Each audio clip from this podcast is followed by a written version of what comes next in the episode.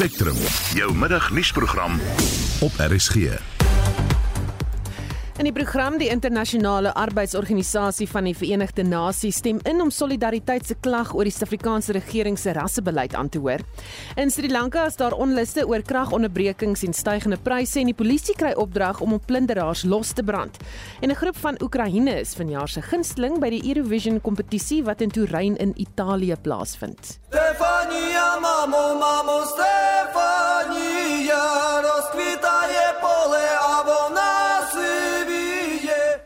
Goeiemiddag, ek is Susan Paxton. Welkom by Spectrum. Daar is geen verkeer. Goed, op die verkeersfront op die oomblik is dit redelik rustig. Sodra ons iets kry, dan gaan ons vir jou laat weet daarvan, maar stuur nog of as jy verkeersnuus het na 45889, SMS se kos R1.50.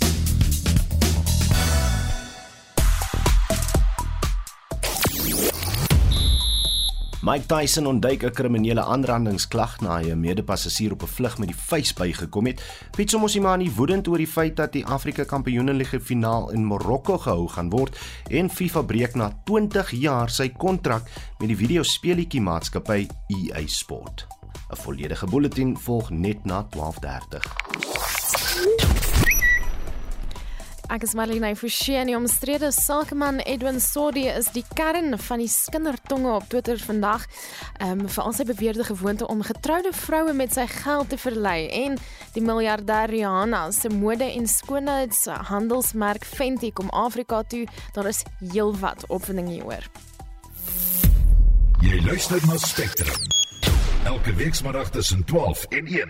Dis 5 minute oor 12. Die beheerliggaam van die internasionale arbeidsorganisasie van die Verenigde Nasies het tydens sy 344ste sitting in Maart bevind dat solidariteit se klag teen die Suid-Afrikaanse regering se rassebeleid aangehoor moet word. In solidariteit se klag voer hy aan dat die Suid-Afrikaanse regering die diskriminasiekonvensie nommer 111 oortree. Ons praat met Dr Dirk Herman, bestuurshoof van Solidariteit. Goeiemôre Dirk.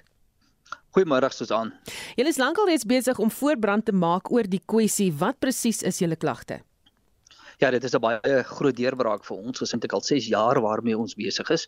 Nou dit is soos jy gesê het in die inleiding ingevolge ehm um, konvensie 111. Nou waarna ons kyk is dat spesifiek die regering se rasbeleid hierdie konvensie oortree. Nou Suid-Afrika het hierdie konvensie bekragtig. Dit beteken dat ons dit moet gehoorsaam en dat ons ook ons plaaslike wetgewing daarvolgens moet belyn.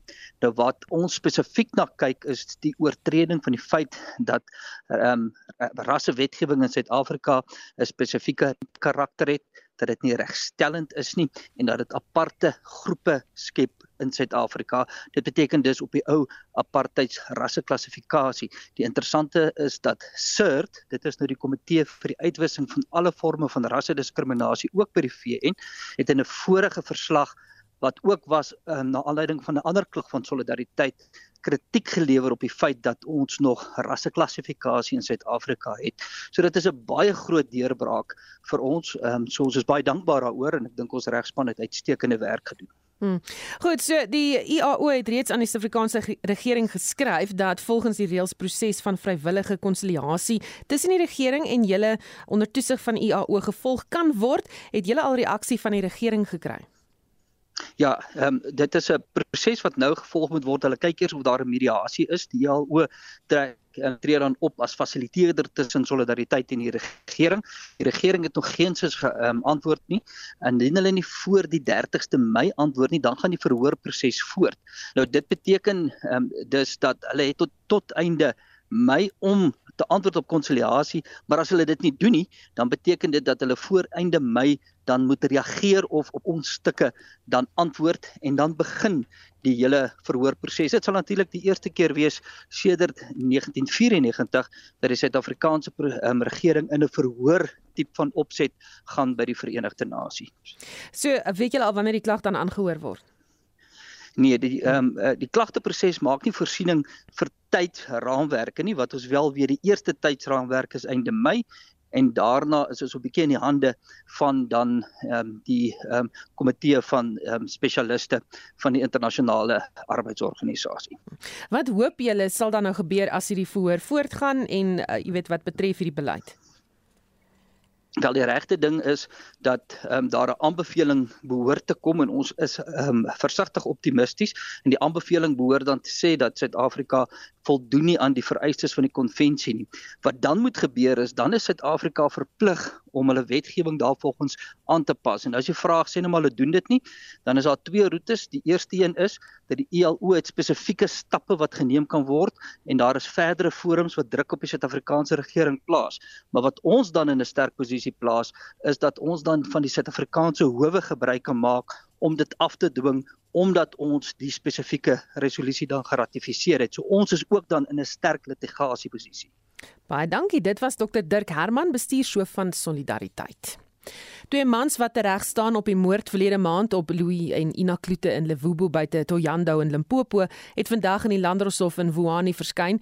Die egpaar is in hulle huis verkoel nadat hulle na bewering deur verdagtes aangeval is wat daarna die huis aan die brand gesteek het. Ons praat nou hieroor met Ian Cameron, die direkteur van gemeenskapsveiligheid by die burgerregteorganisasie Action Society. Goeiemôre Ian. Goeiemôre Susan. Die verdagtes is Metekwa Magoma en Ingetelo Sambu, maar toe ons laas met jou gepraat het, was daar nog 'n derde verdagte soek. Wat het intussen gebeur? Volgens my nie uh, daar was nie nog iemand gearresteer volgens my kennis of wat of wat nou vervolg word nie. Uh natuurlik hoop ons dat hierdie twee verdagtes geensins enigsins uh, geleentheid tot bors sal kry nie en dat ons so gou as moontlik genoegsame uh, prosesse aan die gang kan kry om te kyk dat daar 'n 'n vervolgingsproses kan geskied. Wat is jou indrukke van die polisie se ondersoek en is die staat se saak sterk? Volgens my kennis en wat ek nou mee gesels het met mense wat betrokke was, is dit is dit baie baie goed gedoen. Die polisie het vinnig gereageer. Uh daar was onmiddellike die nodige uh, of onmiddellik die nodige bystander. Ons ook betrokkenheid natuurlik van die gemeenskapsstrukture en dan Bosveld misdaadondersoeke uh wat ook betrokke geraak het by hierdie spesifieke insident. So dit blyk of dit 'n baie sterk saak sou wees. Ek kan nie sien hoekom hulle borg sal kry nie. Hulle albei is 'n vlugrisiko. Albei is volgens my kennis onwettig in die land en vir daai rede is die kans dat hulle borg gaan kry byna nul. Hm. Hoe veilig is die uh, geplaas gemeenskap in Limpopo op die oomblik? Eintlik moet ek sê dat daar nie 'n wesenlike toename oor die afgelope paar jaar is met aanvalle in die grootste dele van Limpopo nie. Ons sien in areas in die meer noorde kant van Limpopo dat dit meer gebeur as ons byvoorbeeld sien gedeeltes van die Waterberg. Ek dink betrokkenheid en samewerking tussen die gemeenskapsstrukture. 'n Vergadering hou om geskille binne die party te probeer bylê voor die naweek se provinsiale verkiesingskonferensie. Die voormalige burgemeester Mpo Morani is intussen in 'n kritieke toestand na hy in 'n motorongeluk betrokke was en dit kan die besluit om die konferensie te laat voortgaan beïnvloed. Ons praat nou met die dekaan van Geesteswetenskappe aan Akademia, professor Pieter Dievenage. Goeiemôre Pieter. Goeiemôre Susan. So watse geskille is hier in Gauteng in die party? En net voor ek daarby uitkom Susan, is dit miskien belangrik om net te kyk hoe werk die struktuur van die ANC, nê? Nee, dit is altyd goed om ons is nou half in 'n verkiesingsjaar by hulle. Net weer kyk, kyk ons het hier 'n streekskonferensie waaroor dit nou gaan en of daar verskille is. En die streekskonferensie is nie uh, in die hele provinsie Gauteng nie, dis in die Johannesburg streek. So is daar ook ander streke in uh, Gauteng. En dan kry mens natuurlik jou provinsiale kieskonferensie nê. Nee?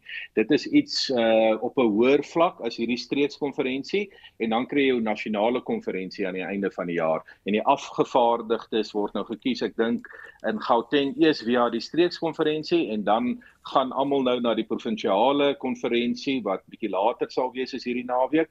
En dit alles gaan nou na die nasionale konferensie aan die einde van die jaar Nou terug na jou vraag toe. Ek dink nie in Gauteng is hier massiewe geskille nie. Jy weet, ek dink uh, Gauteng is tradisioneel 'n uh, meer veilige basis vir president Ramaphosa en sy volgelinge. Jy weet die leier van die ANC in Gauteng is meneer David Makura en hy is ook die premier van die provinsie. So hy beklee albei daai poste en hy is redelik sterk in die saal. Ehm um, daar sal natuurlik altyd klein dingetjies wees en mense wat baie graag jy weet hulle posisie wil versterk en wat ehm um, in die kieskollege wil wees, nie net van die streek uh, in Gauteng nie, maar ook van die provinsie, want dan gaan hulle na die nasionale provinsie toe. So daar's baie belange Um, ek sou sê materiële belange betrokke, maar ek dink die geskille in Gauteng is nie so intens nie. Hm. Hoekom sal Morani se afwesigheid die besluit om 'n kongres te laat voortgaan so beïnvloed? Kyk Morani is 'n invloed invloedryke man hier in die Johannesburgse streek van die ANC. Ehm en soos jy reg opgemerk het, maandag aand was hy in 'n baie ernstige ongeluk hier in, in Johannesburg Suid. Nou vir so 'n invloedryke persoon, ehm um, jy weet, hy moet by wees as die streeks ehm um, uh verkiesing plaasvind want hy's nou die oppositieleier in die stadsraad. Hy's 'n baie invloedryke persoon in hierdie streek Johannesburg. Maar ek dink nie as ek nou moet vinnig oordeel gegee wat ek ook gesê het oor dat die geskille ook dalk nie so intens is in in die provinsie Gauteng, jy weet rondom die twee faksies in die ANC nie, dink ek tog hierdie uh verkiesing sal Saterdag voortgaan. Ehm um, ek dink die invloed wat hy het, ehm um, jy weet hy het sy uh, mense wat vir hom ehm um, weet sy raadgewers om hom en hulle sal sy ek dink redelik sy gevoelens oor dinge kan voortvat hierdie naweek in die uh jy weet die streekskonferensie se verrigtinge. Hmm. Hoe belangrik is hierdie Gauteng verkiesing? Kyk, dit is uh interessant. Kyk, dis 'n dis 'n streeksverkiesing nou hierdie Saterdag en dan gaan dit na die provinsiale verkiesing toe. Nou, soos ek gesê het, Gauteng is tradisioneel 'n sterk uh, Ramaphosa provinsie en ek dink nie dit gaan veel verander met die voorsitter David Makura wat daar is en wat ook die premier is nie. Maar ons moet onthou, ehm um, Gauteng is 'n baie belangrike simboliese uh provinsie, jy weet Susan. Ehm um, dit is die industriële hartland van Suid-Afrika en mense sou wou hê dat hier baie goeie provinsiale leierskap sal wees. Maar in terme van die afgevaardigdes wat gestuur word na die nasionale verkiesing van die ANC aan die einde van die jaar, um, is Gauteng nie so sterk in getalle. Dis nou baie interessant soos die Oos-Kaap, KwaZulu-Natal en Mpumalanga nie. Jy weet, so uh, Gauteng stuur nie soveel afgevaardigdes uh na die nasionale konferensie nie maar simbolies is dit 'n baie belangrike provinsie soos ek dit uh geskets het. Hmm. Baie dankie dit was die dekaan van Geesteswetenskappe aan Akademia professor Pieter Dievenage.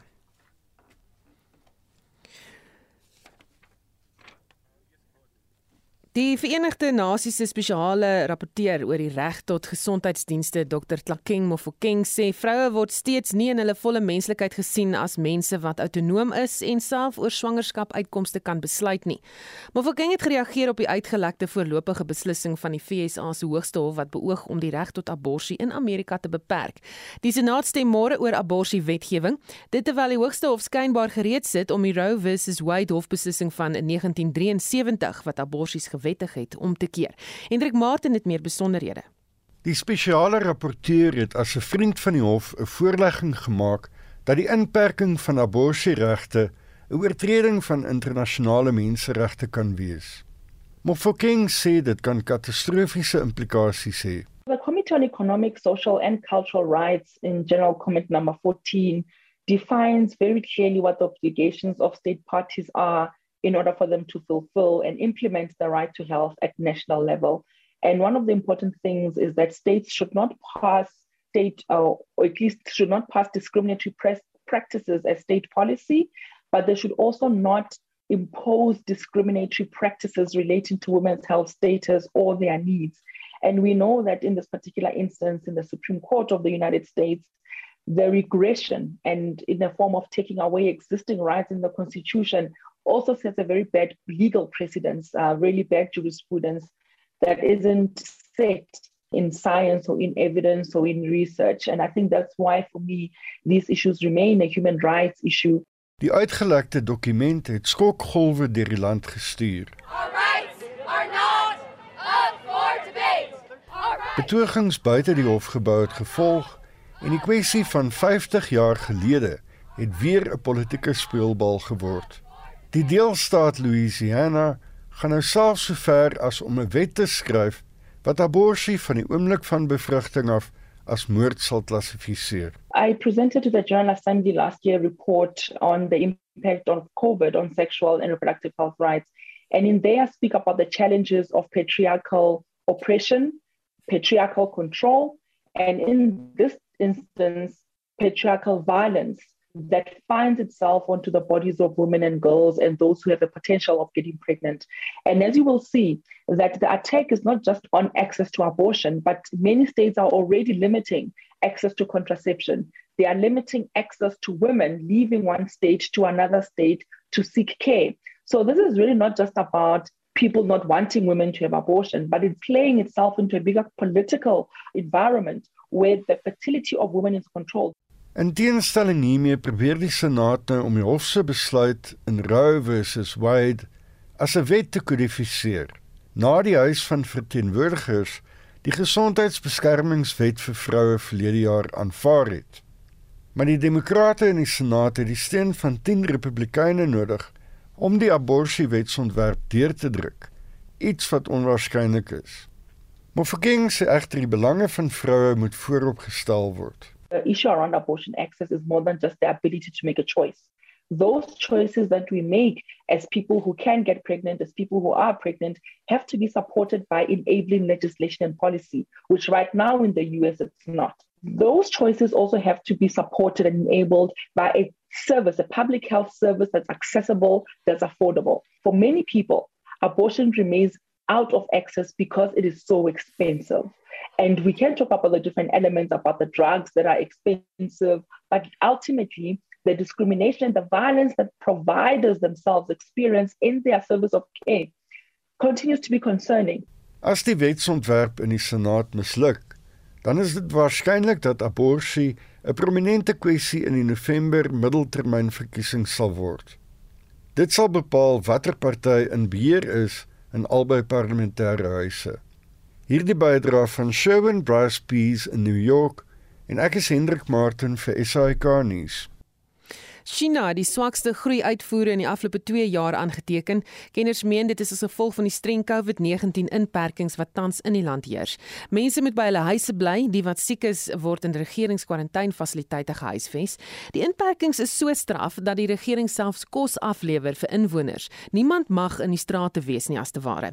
Ons praat nou met 'n ekonom van die Noordwes Universiteit, professor Waldo Kriel oor die ekonomiese impak van die inperkings. Goeiemôre Waldo. Goeiemôre Susan. Watter rol speel China in die wêreldekonomie? Susan, hulle is 'n baie groot speler. Die Chinese ekonomie is die tweede grootste in die wêreld. Dit is die grootste uitvoerder en die tweede grootste invoer-ekonomie. So ek dink nie mense sal oordryf om te sê dit is die wêreld se fabriek nie of 'n baie belangrike deel van die wêreld se fabriek. Hm. Hoe groot is die impak van die gebeure daar tans op die res van die wêreld se ekonomie? Dit het 'n groot impak en in twee dele. Aan die een kant is daar nou uh, lande soos Suid-Afrika wat rou materiale na China toe uitvoer en omdat hulle nou uh, so ingeperk is en nie besigheid doen nie, uh, demp dit daar die vraag na ons rou materiale. So daardie pryse is besig om af te neem. Iets soos ystererts se pryse het hierdie jaar al 24% gedaal. Aan die ander kant is daar dan daai uitvoer uh, prestasie wat jy genoem het. Hulle voer ook baie minder uit Uh, en en dit is nie net finale produkte nie, dit is ook ander komponente en insette wat weer op ander plekke in die wêreld gebruik moet word. Ons hoor van soos die mikroskyfie tekort en die verskepingsprobleme. Dit is die impak wat dit het. Hmm. En dan wat is ander moontlike impakte wat in ander lande gevoel kan word wat betref die inperkings en byvoorbeeld invoere en uitvoere? Hierdie hierdie twee faktore is eintlik spoel oor in op vir twee verskillende maniere uh vir vir die die kommoditeitsuitvoerders wat nou laer pryse kry. Ja binnelands beteken dit weer vir ons laer ekonomiese groei. Uh, die staat het nou gesteun op uh die belastinginkomste uit die mynwese uit. Dit gaan nou kleiner wees as die Chinese ekonomie stadiger groei aan die ander kant weer daardie vertragings in in die goed wat hulle uitvoer veroorsaak prysstygings en uh, wanneer dit bydra tot inflasie dan moet rentekoerse weer styg uh, en dit, ek dink 'n uh, 'n beduidende deel van 'n stadiger groei van die wêreldekonomie hierdie jaar kan toegeskryf word aan wat nou in China aan die gang is. Baie dankie. Dit was 'n ekonom van die Noordwes Universiteit, professor Waldo Kriel. Die Wetenskap en Nywerheidsnavorsingsraad of die WNR het vanoggend 'n splinternuwe platform bekend gestel om leerders wat sukkel met sig, disleksie of ander probleme met skoolwerk by te staan. Marlenae Forsie het meer besonderhede oor die tegnologie wat Thinkwe gedoop is. 'n Senior navorser en ontwikkelaar by die WNR, Georg Schlins, sê Thinkwe is die Zulu woord vir nagapie dit vertel hooplik die storie oor hoekom ons dit doen. Die groot oë en ore staan er natuurlik uit van 'n nagapie en dit is wat ons graag mee wil help wanneer dit kom by lees en leerbehoeftes van skoolkinders. Handboeke, huiswerk en selfs toetse en eksamenvraestelle kan digitaal op die platform gelaai word vir leerders wat byvoorbeeld met disleksie sukkel of leerders wat blind of lae visie het of selfs net in die algemeen sukkel, kan dan hierdie boek op 'n heel nuwe manier lees met klank by. Dit sinkroniseer hierdie klank met die teks van die boek wat beteken dat die skoolkind dan die teks met 'n highlight volg soos wat die woorde gelees word, die sin gelees word Nou in die ontwikkelingsproses is spesifieke skole genader om die relevante behoeftes te bepaal. Een van my kollegas in ons span, hy self is blind, so hy kon jare se ervaring bydra om meer inligting en kennis vir die produk oor te dra. Is hierdie iets wat jy dalk op 'n meer persoonlike vlak raak? Ek het familie waarvan die een persoon met erge disleksie sukkel en ons het nou onlangs die produk met hom begin uittoets en ons is opgewonde om te sien of dit vir hom sal kan help. Maar hoe toeganklik is die produk? Wat betref die beskikbaarheid en hoe ons dit gaan versprei, werk die WNR tipies met 'n besigheidsmodel waar ons wil aanvra vir lisensieerders van die tegnologie om vorentoe te kom dat ons dit aan hulle lisensieer en dat hulle dan as middelman optree om die produk dan by die skole uit te kry, by die uitgewers wat die handboeke verskaf. Ons wil ook graag met die nasionale en provinsiale departemente van onderwys begin skakel sodat ons gesprekke voer oor hoe hulle die standaarde in die skole sien om hierdie tipe toeganklike tegnologie te kan uitrol na die openbare skole byvoorbeeld. Dit was 'n senior navorser en ontwikkelaar by die WNR, Georg Schlins. Marlene Forsie, SAK nuus. Die landwyse aandklokreël in Sri Lanka is tot môre verleng omdat betogings teen die regering in verskeie gebiede voortduur. Duisende mense eis die bedanking van president Gotabaya Rajapaksa weens die eiland se ergste ekonomiese krisis in die geskiedenis. Veiligheidsmagte is nou beveel om op plunderaars en vandale los te brand. En vir sy kommentaar op die gebeure praat ons nou met Jeff Deutsch, voorheen Suid-Afrika se hoofkommissaris in Sri Lanka en nou betrokke by die bemiddelingsorganisasie In Transformation Initiative. Uh, Goeiemôre Jeff. Uh, good afternoon, Suzanne. Thank you for having me on your show. Goed, uh, wat is die situasie op die oomblik? Uh, as you said in your introduction, the demands for President Gotabaya Rajapaksa to resign are the main cause of the protests at the moment. Uh, it might be worth just uh, saying this to the listeners that President Gotabaya Rajapaksa was formerly the head of the military that led the war that lasted for 30 years and um, to some extent uh, not as popular as his brother uh, Mahinda Rajapaksa, but anyway, he was elected in 2019, and that's when the trouble started. He introduced massive tax cuts and um, also uh, banned a chemical fertilizer which the rice farmers need and the tea producers need, and he did this overnight. So that's when it actually started. Was uh, after he was elected 2019 and it continued and got worse in 2020. Hmm.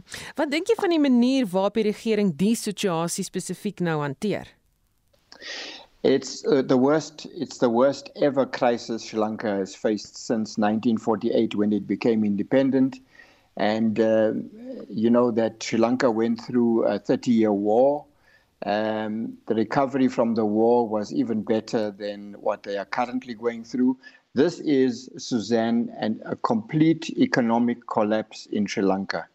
Uh, and the allegations are by the people that it's due to mismanagement by the Rajapaksa family. You know that there were four or five of them in government. Uh, one was the speaker, the other one was the sports minister, the other one was the finance minister. Gotabaya Rajapaksa was is the president, and then Mahinda Rajapaksa was the president before uh, was the prime minister. And all these ministers have now resigned. But unfortunately, the crisis remains, and it's a very difficult crisis because food has run out, gas has run out, hospitals can't do surgery. Um, there is not enough fuel to run the generators to provide electricity throughout the country. So the government is not in a good position to actually do anything about the current situation. India is helping them but um, the facility that was granted by India, instead of buying fuel and food, they went and bought steel. So you can see that the government is not handling this correctly at all. Hmm. Is daar opsies vir vrede of dink jy dit kan erger raak, dalk selfs 'n staatsgreep? Until there's a change uh, in the mind of the president, if he doesn't resign, uh, the protests will continue and the protests will get worse. Is daar parallelle of eerder laat ek dit so stel dat jy het nou pas genoem daar is parallelle met sy, die situasie in Suid-Afrika kragonderbrekings stygende stygende pryse loop ons ook die gevaar van ewige opstande want ons het reeds in Julie verlede jaar so iets gesien? I think South Africa is in a different position altogether Suzanne thank goodness for that. Um you know the July last year uh, incident was was a, a different kind of politics. Its genesis was different to what's happening in Sri Lanka Sri Lankans are protesting because of there, no, there being no gas, no fuel, no uh, food, basic food. Um, their their currency has dropped extensively. One dollar now buys you 400, almost 400 uh, Sri Lankan rupees, and this has affected everything in Sri Lanka. So the the scenarios are slightly different to the South African situation, but um, Sri Lanka is uh, thinking very seriously. The uh, intellectuals in Sri Lanka, the business people are thinking of proposing a new economic um, uh, cabinet which will try and take Sri Lanka out of this. But there's no quick fix. Until the president makes a decision what to do, Sri Lanka is going to continue with these protests. And they were very violent in the last two days. They set fire to the Rajapaksa's ancestral home. They burnt ministers' houses. Uh, one uh, minister was killed, and members of parliament have been attacked, and their houses have also been burnt. So you can see from what I'm outlining to you that the situation is a lot different to South Africa. Hmm. Baie dankie. Dit was Jeff Deutsch voorheen Suid-Afrika se hoofkommissaris in Sri Lanka en nou betrokke by die bemiddelingsorganisasie In Transformation Initiative. Jy luister na Spectrum. Op RSG. Die Universiteit van Mpumalanga het drie geakkrediteerde studente verblyfplekke wat aan die moordverdagte Philemon Lokele behoort se dienste beëindig. Die burgerregte beweging Democracy in Action hou tans 'n optog na die Uniegebou in Pretoria om teen beurtkrag te betoog en 'n groep van Oekraïne is vanjaar se gunsteling by die Eurovision kompetisie wat in Turyn in Italië plaasvind. Stefania mamo mamo Stefania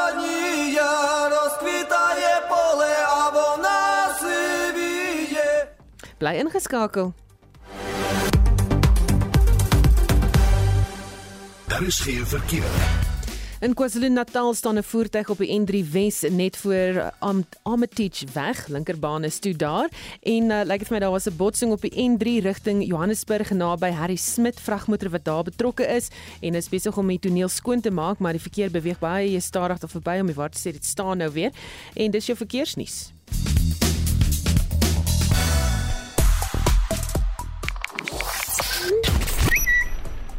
Die sokkervereniging SAFA loop deur onder kritiek oor hoe sake daar bestuur word, veral in die aanloop tot die Junie 25 presidentsverkiesing en totergrond steeds oor die miljardêr en sangeres Rihanna se besluit om haar mode- en skoonheidsmaatskappy Fenty na Afrika uit te brei. En as ek nou so voorspel, kyk hier op die TV-skerm, daar is weer beerdkrag ingestel vanaand Susan, so ek kan aanneem dat mense binnekort hieroor gaan begin gesels. Ja, want ek sien uh, dis fase 2 beerdkrag wat pas aangekondig is van 5uur tot 10uur vanaand kry jouself gereed. Inderdaad, kry 'n kersse reg.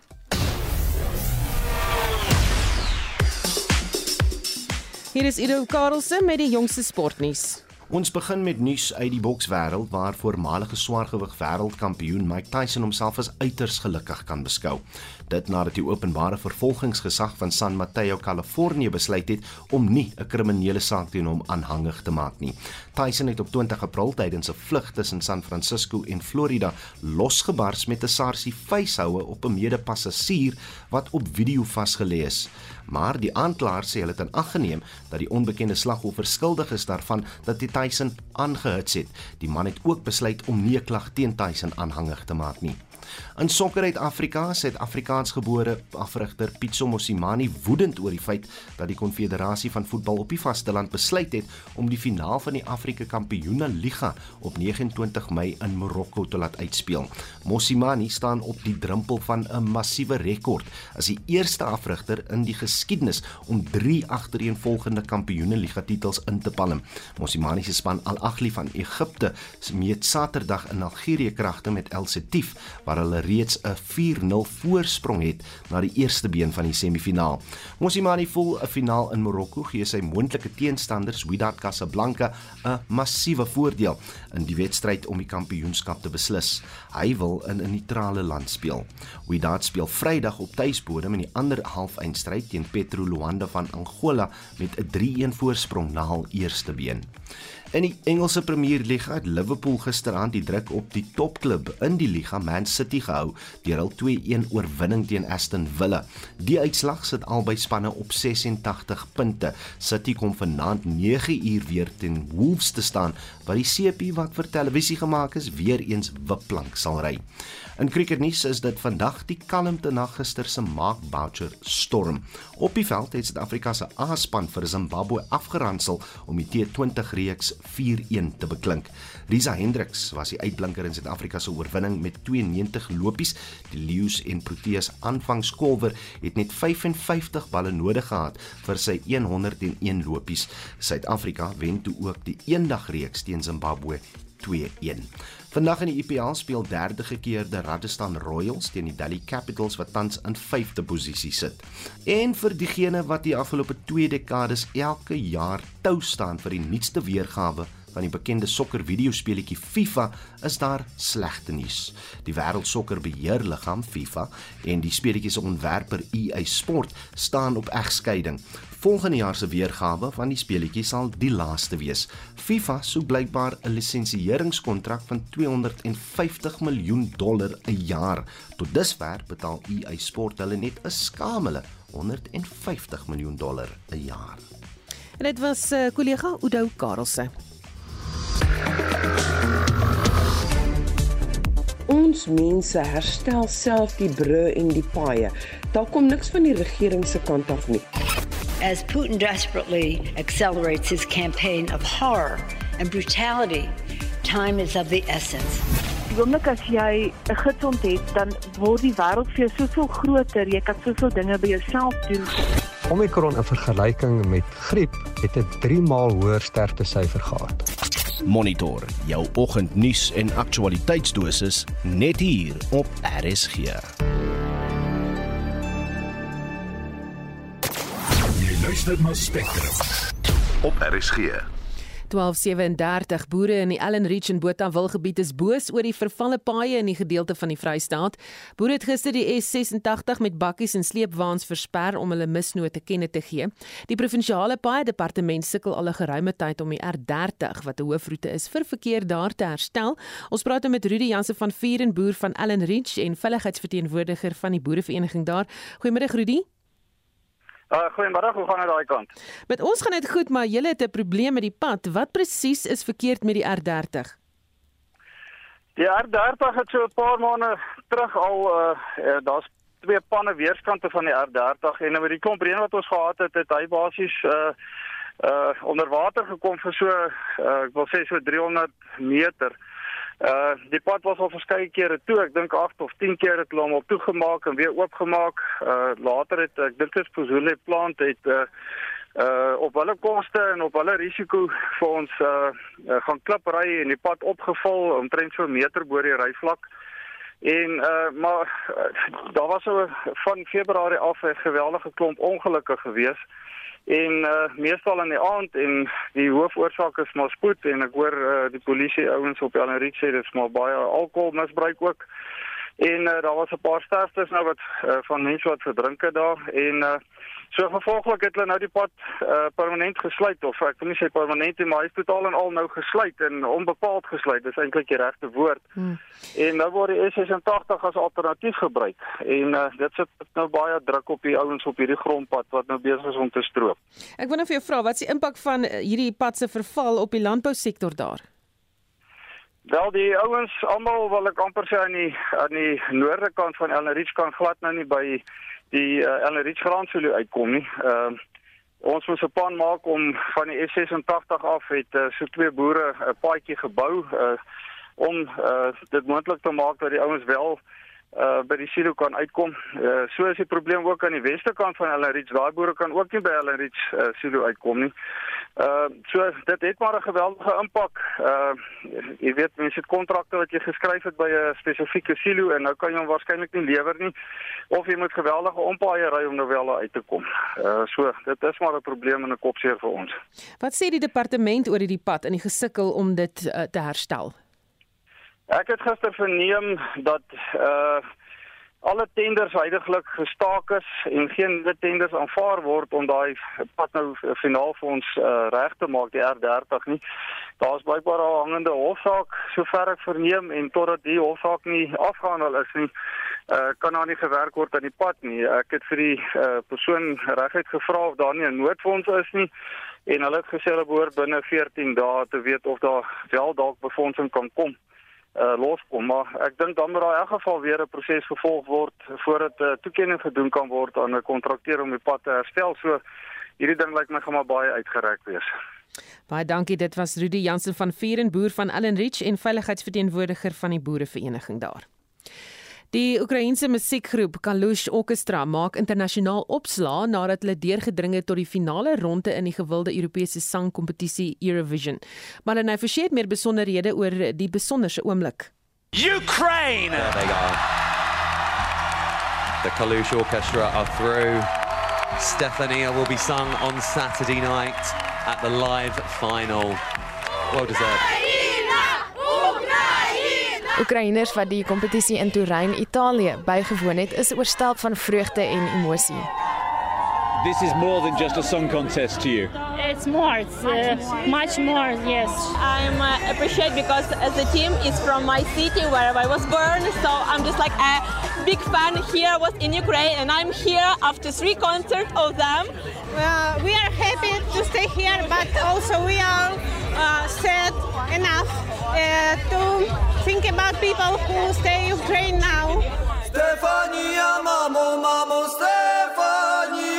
Стефанія, розквітає поле, а вона сивіє. Заспівай Die Kalush Orchestra is die gunstelinge om die kompetisie Saterdag te wen met hulle enkelsnit Stefania. Nie omdat hulle bejammer word nie, maar omdat hulle 'n unieke klank gehore bekoor. En dit was die Oekraïense musiekgroep Kalush Orchestra wat Marlene Forsie se bydrae afgesluit het. Die klank wat gebruik is is van die BBC afkomstig. Terug op eie bodem die burgerregte organisasie AfriForum is vandag in die Appelhof in Bloemfontein om die 2019 uitspraak teen teen te staan wat die vertoon van die ou Suid-Afrikaanse vlag in die meeste omstandighede ook in die privaatheid verban het. Ons praat nou met die veldtogbeampte strategie en inhoud Ernst van Sail. Goeiemôre Ernst. Goeiemôre Susan. So wat het sover in die hof gebeur? Uh, die hof is nou tans aan die gang. Ek het gewoonlik goue oomblik gevat om net met julle te gesels, maar uh, ons span het nou klaar um, ons argumente gelewer. Dit is nou die uh, Nelson Mandela Stichting se span wat tans besig is uh, en dan sal ek nou maar daarna uh, vir ons lede en die publiek verder op hoogte hou as daar as dit nou verby is. Hmm. Skets dit weer die agtergrond tot die saak. Reg so, ek dink is nogal belangrik om hierdie konteks te verstaan want dit is nou al 2022, maar hierdie saak het gebeur in 2019. Ehm um, toe die uh, die vlagsaak toe die ou vlag ehm um, uh verban is en AfriForum was in daai saak deur die Nelson Mandela Stichting as 'n uh, respondent genoem en gelys. So ons was eintlik maar om dit eenvoudig te stel ge, genooi om deel te neem aan die saak en ons het toe aanvaar uh en toe dus toe die uh toe die uh uitspraak gebeur het daai jaar in 2019 om die ou vlag te verban in publiek en privaat, toe het ons die uh, saak geappeleer en nou eers in 2022 uh, het ons gehoor dat ons nou hierdie week gaan uh verskyn in die hof. So is nie asof of ons nou hierdie week wakker geword het en besluit het hierdie is nou die week wat ons die uh, die saak gaan appeleer nie dit is wat ons het nou hierdie jaar gehoor eers. So wat wil jy uiteindelik bereik met hierdie saak? Ons wil uh, wat ons wil bereik is om die die waarde en beginsel van vryheid van spraak te beskerm wat in ons grondwet uh, staan en beskerm is. Uh, en dit is natuurlik 'n uh, uh, altyd 'n kontroversiële debat, maar debatte oor vryheid van spraak is inherënt uh, kontroversieel want as mens begin deur uh, simbole te verban omdat hulle aanstoot gee gaan dit altyd net aanbeweeg na die volgende en toe en ons het baie historiese uh, presedente om vir ons uh, te wys dit is die pad wat dit loop. So dit is hoekom Afriforum hierdie saak vat is om vryheid van spraak te te beskerm. Net, uh, al is dit kontroversieel, maar soos ek vroeër gesê het, debatte rondom vryheid van spraak van spraak is inherënt 'n uh, kontroversiële affære. En wanneer verwag julle uitspraak? Uh ons verwag uh die uitspraak. Uh tans kan ek nog nie vir jou sê nie. Ons gaan dit nou moet uh hoor uh, aan die einde van die dag. Uh maar daar's ook 'n kans dat ons uh, nog nie 'n vaste datum gaan kry nie, maar ons sal die publiek op hoogte hou op ons webtuiste en ons sosiale media. Um soos ek sê, ongelukkig is daar die moontlikheid dat ons nog nie vandag gaan weet wanneer ons 'n uitspraak gaan kry nie, maar ek kan wat ek wel kan sê is dit gaan nie vandag wees nie. Baie dankie. Dit was die veldtogbeampte strategie en inhoud Ernst van Sail. Die departement van openbare ondernemings en die nasionale tesourie het 'n verenigde front voorgehou toe hulle die staande komitee oor openbare rekeninge skoor toegespreek het. Hulle het die jongste oor die aanstelling van hulle strategiese aandele vernoot Takatsu konsortium voorgelê, weer Marlenae Forsie. Berigte van wrywing tussen die twee departemente het die tonge losgehad. Dit volg na die tesourie-direkteur-generaal Dondo Mogayane se brief aan Skoor dat hulle eers bewus was van die aanstelling van 'n aandelevernoot nadat die besluit geneem is. Luister my so na die minister van openbare ondernemings, Pravin Gordhan. Klink dit asof die departemente nou saamwerk? These are cabinet decisions that are being implemented and all the necessary work is being pursued. There will be healthy exchanges, there will be healthy debates because no two lawyers are going to agree in the first instance on a difficult or complex issue, but once there's sufficient room for clarity, you can then get the necessary alignment, which we currently have. Die minister van Finansies, Enoch Godongwana, sê intussen moeilike vrae oor geld sake is enorm wat kwessies soos die betref en dit lei dikwels tot konflik. We had a presentation last week where health uh, fighting with us over NHI. Uh, you will have social development fighting with us on social security also. Doesn't mean a conflictual arrangement. It does mean this is an internal process of, uh, from our side, I mean, fighting to preserve our space in terms of expenditure and money. Hy sê verder SAL is 'n gravitasiekolk waarin daar reeds meer as 49 miljard rand sedert 2007 gestort is. Dis in die omgewing van 3,2 miljard rand per jaar. Mahayane het verduidelik waarvoor die geld gebruik is. In 2007, we paid 744 million for labor restructuring plan. In 2009, we paid 1.6 billion to SAA for working capital requirements.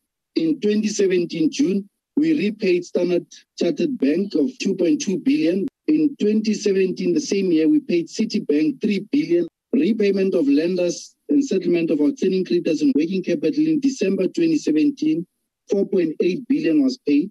And we paid domestic lenders in February 2019, 5 billion. And again, this was all guaranteed debt. Gordon sê die Takatsu konsortium transaksie is nog nie gefinaliseer nie.